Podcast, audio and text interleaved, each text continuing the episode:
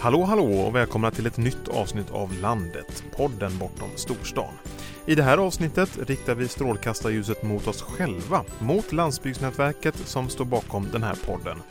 Det är ju så att alla EU-länder som har ett landsbygdsprogram måste också ha ett landsbygdsnätverk. Finansieringen kommer från EU och målet är att få fler delaktiga i utvecklingen av kust och landsbygder. I 12 år har nu detta nätverk funnits och vi ska ta reda på hur man får ut maximalt av sitt medlemskap och hur man utnyttjar den neutrala arenan på bästa sätt. Nu kör vi! Ja, jag tänkte vi skulle börja med laguppställningen för detta samtal i eh, detta avsnitt och på min vänstra sida där har jag, ja, vem är du? Maria Gustafsson och jag jobbar som verksamhetsledare på eh, kansliet som är eh, så att säga, servicefunktionen för landsbygdsnätverket. Och på andra sidan bordet har vi Hans-Olof Stålgren och jag jobbar också på nätverkskansliet och är en underhuggare till Maria. Och, ja, vi delar upp våra uppgifter lite grann och sådär. Och LRF är också representerade här i dagens samtal. Precis, och jag heter Sofia Lindblad och jobbar på LRF och sitter i Landsbygdsnätverkets styrgrupp. Välkommen hit allihopa. Jag ska börja med en fråga till dig Maria. Eh, för de flesta är nog ett nätverk någonting som kan vara lite abstrakt sådär. Eh, hur skulle du vilja beskriva det? Ja, nätverk har vi ju oftast. Vi, vi är ju med i nätverk på olika sätt och vis. Och det är vi ju för att vi känner att vi vill eh, lära känna folk. Vi vill lära oss av dem som vi eh, möter i nätverk. Och vi vill kanske samarbeta mer eh, få, få till kontakter som vi kan ha glädje av. Och så fungerar också landsbygdsnätverket. Där samlas eh, sådana som är viktiga för landsbygdsutveckling för att lära sig av varandra, för att bli bättre på att samarbeta. Eh, så det är kärnan i nätverket, i landsbygdsnätverket. Sen är ju det här ett påfund kan man säga. Så att resurserna för att kunna göra det här, det är ett påfund ifrån eh, e EU-kommissionen. Och det är för att de har sett värdet utav att kunna få fler aktörer delaktiga och engagerade och framförallt kunniga i att vara med och jobba med landsbygdsutveckling och jobba för målen som vi har med landsbygdsprogrammet, EUs program för landsbygdsutveckling. Men de som är med i eh, nätverket här i Sverige, kan du ge några exempel på vilka medlemmar det är? Mm. Vi är, samlar över hundra organisationer, intresseorganisationer och myndigheter som finns på nationell nivå. Och eh, de har representanter på olika sätt som då är aktiva i nätverket, engagerade i olika arbetsgrupper, vid olika träffar och möten eller nätverksaktiviteter på annat sätt för att just få till det här lärandet och samarbetet. En av eh, medlemsorganisationerna är ju LRF och Sofia Lindblad. Jag tänkte ställa en frågan till dig först. På vilket sätt gör Landsbygdsnätverket skillnad? Men nätverket gör skillnad på flera olika sätt. Om jag tar utifrån LRFs perspektiv så tänker jag att det är bra att vi träffar olika organisationer och myndigheter. Och kanske att vi också träffar de som vi inte annars hade träffat. Det tror jag egentligen är det ett medskick för mig som är väldigt viktigt här. Att Landsbygdsnätverket är en arena där vi träffar varandra vi har ett gemensamt tema, ett gemensamt intresse och det är landsbygdsutveckling i någon form. Men vi kanske inte hade träffats annars för vi har inte det här jättenaturliga beröringspunkten. Men när vi väl samlas runt bordet, när vi väl samlas på våra möten, då har vi ett gemensamt grundintresse som gör att vi hittar samarbeten, att vi lär oss av varandra, att vi kan benchmarka oss mot olika organisationer som vi kanske inte annars riktigt hade gjort. Och det tror jag är en av de stora fördelarna eh, med nätverket. Varför det är värdefullt att vara med och varför det är en viktig funktion. Men att nätverket är en neutral arena som gör att vi kan samarbeta utan att det blir partsintressen som det ibland kan ses som, vilket kanske inte alltid stämmer. Mm. Men det är så det ses som utifrån. Mm. Men då innebär det att vi kan samarbeta med olika organisationer, både, sån, både sådana som vi kanske redan innan har kontakter med eller har velat ha kontakter med och sådana som vi kanske inte riktigt hade tänkt efter på innan eller mm. inte hade de här mm. naturliga kopplingarna med. Så just den här neutrala arenan är jätteviktigt att nätverket är och, och det tycker jag verkligen att vi har jobbat ganska hårt med under de här åren som nätverket har varit igång. Att vi inte vill gå in i politiska diskussioner, att vi inte ska ta ställning för någons ensak. Mm. Utan att vi ska jobba brett, det ska vara opartiskhet. Mm. Och alla ska få vara delaktiga utifrån det man vill och har möjlighet till. Mm. Det tycker jag är en sån jätteviktig grund med nätverket och det tycker jag är viktigt att vi fortsätter att hålla fast vid tänker jag, för framtiden. Mm. Och det är ju också då, alltså det, det känner man ju också av att, att många gånger så eh, så behövs det den här plattformen där offentliga, alltså myndigheter på nationell nivå har också en chans att ha det här mer konstruktiva, så här, samtalet, dialogen med intresseorganisationer utan att det handlar om partsförhållanden. Det handlar mer om att oh, vi står inför en gemensam utmaning här. Eh, och hur löser vi den här utmaningen tillsammans? Och, och, och då då är det ju också ständigt i nätverket handlar det ju också om att hitta arbetssätten för att jobba konstruktivt. Liksom, så att så många som möjligt, att det inte också handlar om enskilda individer då utan att det blir organisationerna i sig liksom, som, som får glädje av det här och att det får en bra spridning eh, därutöver. Då. Så att vi har ju också utmaningar liksom, hela tiden att, att attackera. Liksom. Men, men jag tror att eh, det är ett av de större värdena kring att ha en plattform där landsbygdsfrågorna är i fokus och där man kommer in med olika intresseingångar. Ja, den här neutrala arenan, jag tänkte kolla med dig Hans-Olof. Vad innebär det eh, för de som är med? Um, ja, det, det, det, är ju det här att uh, man, kan, man kan ju till och med mötas och ha två nästan diametralt sätt att se på en, en fråga. Eh, men man, man, har en mötesplats där eh, ingen står för att eh, liksom, det är den här positionen vi måste ha. Utan här, här möts vi på neutral mark. Eh, och Okej, okay, nu, nu, nu pratar vi med varandra utifrån det. Vi, vi ska inte fightas eh, utan vi ska försöka komma fram till något slags gemensamt. Det där kan vara svårt om en organisation bjuder in den andra och man vet att man liksom har motstående intressen. Eh, och, och vi, vi, har ju, vi, vi, har ju haft ett, ett eh, arbete när det gäller fiskefrågor. Och, och, och, där finns det ju starka olika organisationer som kan se lite olika på saker och ting. Eh, men som har satt sig ner och, och, kommit överens om faktiskt vissa fördelningar utav kvoter och alltså diskuterat frågor som är riktigt brännande. Men man har hittat en form i och med eh, landsbygdsnätverket. Och, och, ni gör ju medlemsundersökningar och i den senaste undersökningen så svarar över 80 procent att nätverket är en neutral arena. Mm. Jag tänker på de övriga 20 procenten som tycker annorlunda. Mm. Hur kan man göra för att den här arenan ska bli ännu mer neutral?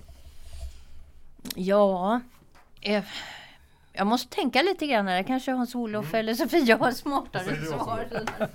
Det var snyggt att bolla över till mig där. Tack för den. Eh, eh, ja, jag, jag tror att någonting som är viktigt i ett sånt här nätverk, särskilt när det är ett nätverk som på något sätt är ovanifrån eh, designat, det är ju att, att åstadkomma saker, göra aktiviteter som är skapat mervärde för medlemmarna så att man känner att ja, men det är vårt nätverk. Det är inte något som är påtvingat uppifrån som ska styra oss. Utan, så att, att vara lyhörd mot olika medlemsorganisationer. Vad, vad är de viktiga frågorna? Eh, och det tas ju upp i styrgruppen. Ja. Förslag på arbetsgrupper och så här. Och så att vi skapar mervärden.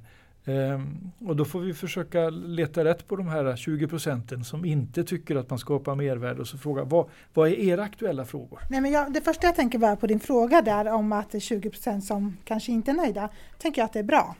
Mm. Jag tror inte att, att, jag tror det är bra att vi, hela, vi ska sträva efter att bli bättre.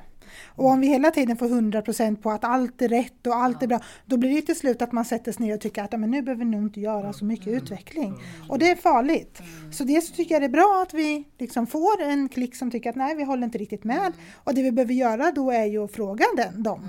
Vad är det ni skulle vilja se? Vad är det någonstans vi har fallerat eller är det någonting som inte har nått fram? Eller vad är det? Så att vi hela tiden stretchar oss. Mm. För annars så, så liksom, ja men det tror jag är jätteviktigt. Man ska aldrig ha 100% nöjd utan man ska hela tiden sträva och skruva och bli bättre och utveckla sig. Du lyssnar på podden Landet och idag pratar vi om den aktör som står bakom den här podden, nämligen Landsbygdsnätverket. Och jag tänkte vi skulle gå vidare med en liten internationell utblick. Och jag ska börja med dig Hans-Olof på Landsbygdsnätverket. Ni är också en del av det europeiska nätverket. Vad, vad finns det för fördelar med det? Ja, I och med att vi, vi har ju funnits i, sedan 2008 så som, som ett eh, nätverk för hela landsbygdsprogrammet och vi i Sverige vi arbetar också med havs och fiskeriprogrammet. Och det har hela tiden funnits ett eh, internationellt nätverk, då, det europeiska nätverket. Eh, och eh, det gör ju att vi har ju kontakter eh, i alla e EU-medlemsstater som jobbar på något sätt liknande som vi gör. Vi träffar dem rätt så ofta i olika sammanhang.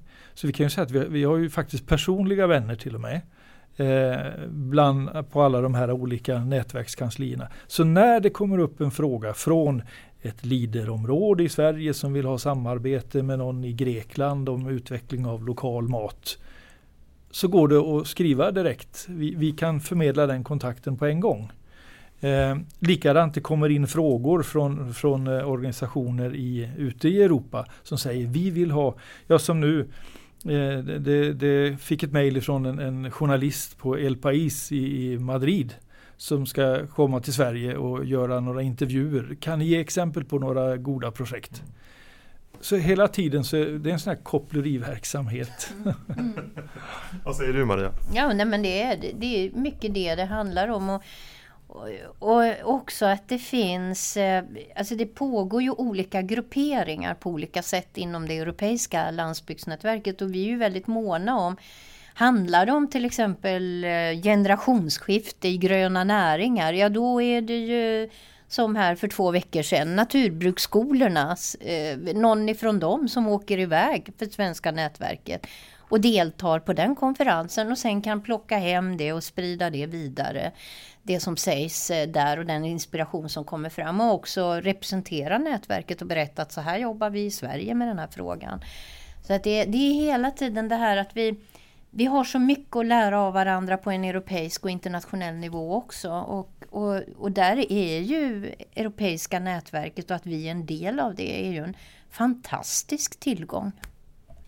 Ja. Lite roligt är just det här att, att vi, vi försöker ju ofta att eh, skicka medlemsorganisationens representanter på olika europeiska möten. Eh, många andra länder skickar ju just kanslipersonal och, och, och tjänstemän, tjänstepersoner. Eh, både män och kvinnor. Eh, men, men, vi skickar väldigt ofta representanter från, från medlemsorganisationer. Jag kommer ihåg vid något tillfälle vi skickade ner, det var ju två, de var ju två lantbrukare som vi skickade. Det, det, det handlade om ekosystemtjänster, om betesmarker och så vidare. Och de berättade sen när de kom att de blev mer eller mindre överfallna när folk liksom är ni lantbrukare? Det var ingen annan som var det trots att de pratade om de frågorna. Åh, berätta, hur ligger det till? Så, så att, jag har ett annat så här jätteroligt exempel. Det är ju när eh, Europeiska nätverket har jobbat med ungas inflytande i landsbygdsutveckling.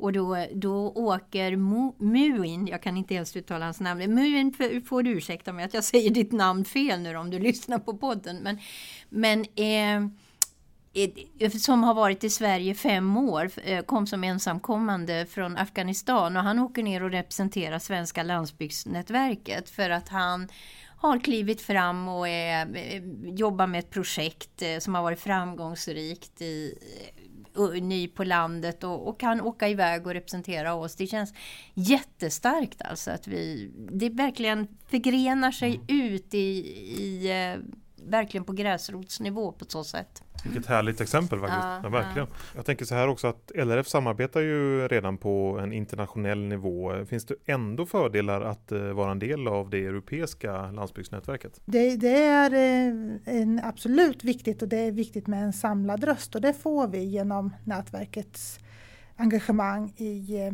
på Europanivå tillsammans med andra nätverk, tänker jag, mot till exempel kommissionen eller EU-parlamentet. Och EU är ju uppbyggt på ett sådant sätt att man vill ju ha en bred dialog med mm. intresseorganisationer, med företag. Men det är ju en sån, det är en sån uppbyggnad. Det är lite annorlunda än vad det svenska politiska systemet är, även fast man har det här också. Men det är inte riktigt på samma sätt. Och då tänker jag att det är viktigt att vi är där och pratar om, om landsbygdsfrågorna i, i flera olika perspektiv. Man kan ju säga också om man ska vara krass att det, det, finns ju ett ekonomiskt intresse i det här. Och tanken är ju, lär vi oss av varandra så använder vi troligen de gemensamma skattemedlen som förmedlas via EU och EU-programmen på ett bättre sätt. Det blir mer effekt på landsbygden om vi tillsammans lär av varandra hur vi på bästa sätt ska arbeta för landsbygdsutveckling med de medel som finns. Så att det, det är ju en, en, ekonomisk tanke också. Mm. Mer, mer verkstad och mer nytta för pengarna. Jag tänker så här, om man är en av alla medlemsorganisationer i eh, landsbygdsnätverket och vill vända blicken mot, alla, mot andra EU-länder och deras nätverk. Eh, konkreta exempel, hur kan man samarbeta? Ska, ska jag dra en, en, en, eh, en, snabb historia, så här väldigt konkret exempel. Det, det ringde en eh, engelsman eh, och, och, sa att vi vill samarbeta med några i Sverige. Vi vill samarbeta om eh, bioenergi från skog. Eh, och det gäller eldningskunskap eh, och, och, utrustning för det och hur man sköter skog och alltihopa sånt där. Eh, men vi vill träffa nätverket och gå igenom nätverket. Ja, så det, det går väl bra. Jag kan komma till Jönköping, sa han. Ja, jag, jag är inte i Jönköping, jag, jag, bor i Örebro. Men, ja, men min fru har en morbror i Örebro, säger han. Ja, så att vi, vi är på väg, vi, vi kan åka. Ja, nu är jag i Stockholm, så att, men vi ska till Stockholm, säger han.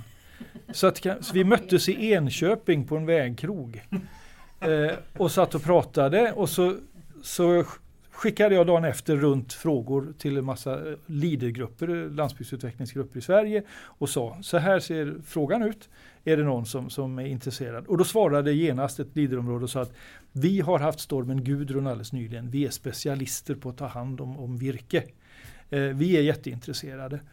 Och då eh, så förmedlar jag kontakten och då svarar den här engelsmannen att ja men då kan jag åka och hälsa på eh, där eh, ganska snart. Och då, ja, hon är i Markaryd nästa eh, vecka för vi har en sommarstuga i Markaryd, säger han. han gav sig inte. Och de etablerade ett långvarigt samarbete som fortsätter fortfarande. Världen är liten får man ändå så säga. Avslutningsvis så tänkte jag först att vi ska eh, sammanfatta Landsbygdsnätverkets 12 år och sen ska vi också kolla lite framåt sådär. Om ni får välja en grej var som ni är eh, mest eh, stolta över med Landsbygdsnätverket. Hans-Olof, vi börjar med dig. Vad är du mest stolt över? Jag berörde lite grann det där när man upplever att man har varit en liten kugge i någonting som ledde vidare till att människor i olika länder, i bygder i olika länder, riktigt gräsrotsmänniskor, lär känna varandra, blir vänner, fortsätter att vara vänner efter man har utfört något gemensamt projekt. Då känner jag att nu, nu har EU-pengarna landat rätt. Nu är jag stolt över att jag var med där. Även om det bara var en liten grej i början man skruvade på. Nej, men jag tänker på, det jag är väldigt stolt över är att nätverket har utvecklats under de här åren. Att vi har försökt att följa med våran tid, mm. tänker jag. Ehm, vi har hållit på ganska många år. Och då kan det ju vara lätt att säga så som vi startade, vi fortsätter så för det gick ju bra. Och vi fick resultat och medlemmarna var nöjda. Men vi har hela tiden liksom jobbat på att skruva, att förbättra, att lära oss, att utveckla, att våga göra misstag, att lära av dem. Det är jag är jag stolt över. Ja, och alltså jag känner mig eh, stolt om inte dagligdags så nästan veckodags eller vad säger man veckovis. Eh, för att eh, jag brukar säga det ibland att eh, jag har nog ett av eh, de roligaste jobben som jag kan tänka mig inom, inom de här frågorna. Eh, och, och det finns många sådana här guldkorn genom åren. En sak som jag tycker är jätteroligt är att när eh, eh, kommuner jobbar med sina, det finns ju tjänstemän på kommuner som jobbar med landsbygdsutveckling. Och så kände de att många av dem att de kände sig väldigt ensamma, eller många men några stycken kände sig väldigt ensamma i sina roller. De hade inget nätverk. Och då, då hörde de av sig, kan inte vi få, liksom, få lite hjälp att komma igång med vårt nätverkande? Och idag är det ett nätverkande som funkar. Det är liksom, de, de rullar på av sig själva, de har hittat igen varandra och jobbar. Och det, det, kan jag känna mig stolt över att vi var, fanns där liksom att hjälpa dem att komma igång med sitt nätverkande. Och landsbygdsprogrammet löper ju ut år 2020 här snart. Vad händer med nätverket då?